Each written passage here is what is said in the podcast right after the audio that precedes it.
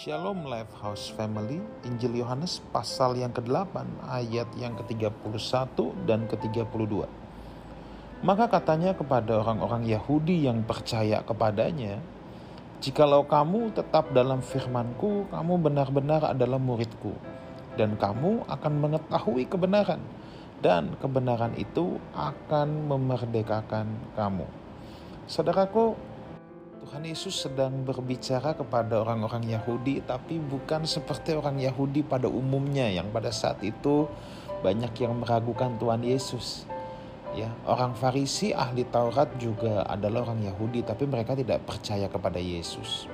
Ada orang yang hanya menjadi penonton netral status quo atau mediocre, tapi orang-orang yang sedang Yesus ajak ngomong ini adalah orang-orang yang telah menjadi percaya kepadanya. Nah, untuk orang-orang yang menjadi percaya ini, Tuhan bilang gini, Jikalau kamu tetap dalam firmanku, kamu benar-benar adalah muridku. Nah jadi di sini Tuhan berkata kepada orang-orang yang sudah percaya kepadanya bahwa ada satu tahapan lanjutan, yaitu harus menjadi orang yang benar-benar murid.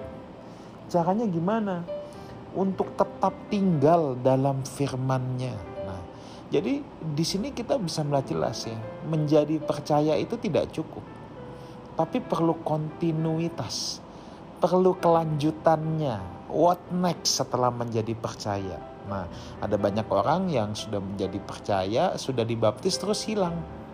Nggak tahu ke mana, udah nggak mau bersekutu lagi, nggak mau mencari Tuhan, nggak mau belajar kebenaran yang penting aku sudah Kristen. Nah, ini yang menjadi persoalan. Tapi yang Tuhan cari adalah kualitas murid, orang-orang yang betul-betul mau menjadi murid.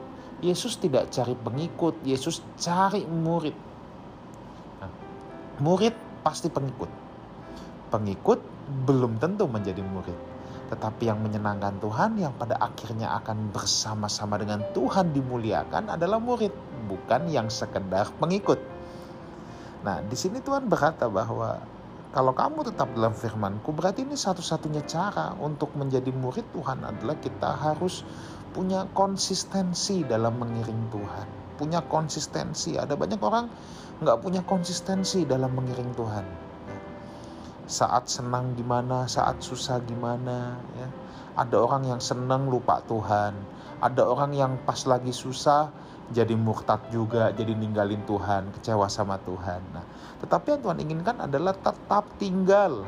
Mau dalam keadaan susah, senang, tetap tinggal. Nah, setelah itu kalau kita mau menjadi murid, baru ada yang namanya dan kamu akan mengetahui kebenaran, kebenaran yang memerdekakan kamu. Jadi selama kita belum menjadi murid Tuhan dan mengenal kebenaran Tuhan, kita belum merdeka.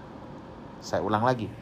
Selama kita tidak menjadi murid Tuhan yang benar, selama kita tidak mengenal kebenaran Tuhan, kita tidak akan menjadi orang yang merdeka.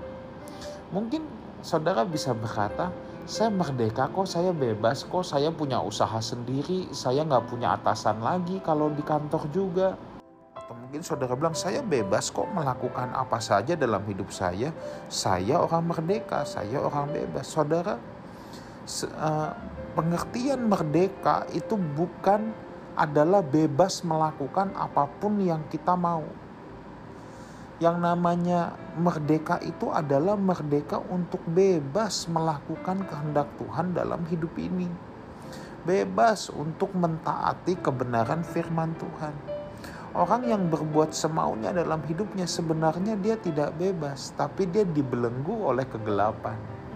Nah, tapi ini tipuan kegelapan. Ketika kegelapan kadangkala membelenggu, orang yang dibelenggu bisa berpikir bahwa dia merdeka, padahal sesungguhnya dia dibelenggu. Selalu saya ambil perumpamaan begini. Segala sesuatu itu pasti ada batasan game dalam pertandingan olahraga apa pun pasti ada batasan sepak bola ada garis dan lain sebagainya. Negara yang merdeka sekalipun pasti punya batasan dengan negara lain. Itulah sebabnya hidup kita ini pasti dibatasi. Nah tetapi sekarang apa yang kita izinkan untuk membatasi kita? Apakah firman Tuhan Apakah kebenaran Tuhan yang membatasi kita, sehingga kita betul-betul menjadi orang-orang yang merdeka untuk melakukan kehendak Tuhan dan menyenangkan hati Tuhan, atau yang membatasi kita adalah kuasa kegelapan? Kelihatannya kita bebas, tetapi sebenarnya kita terbelenggu.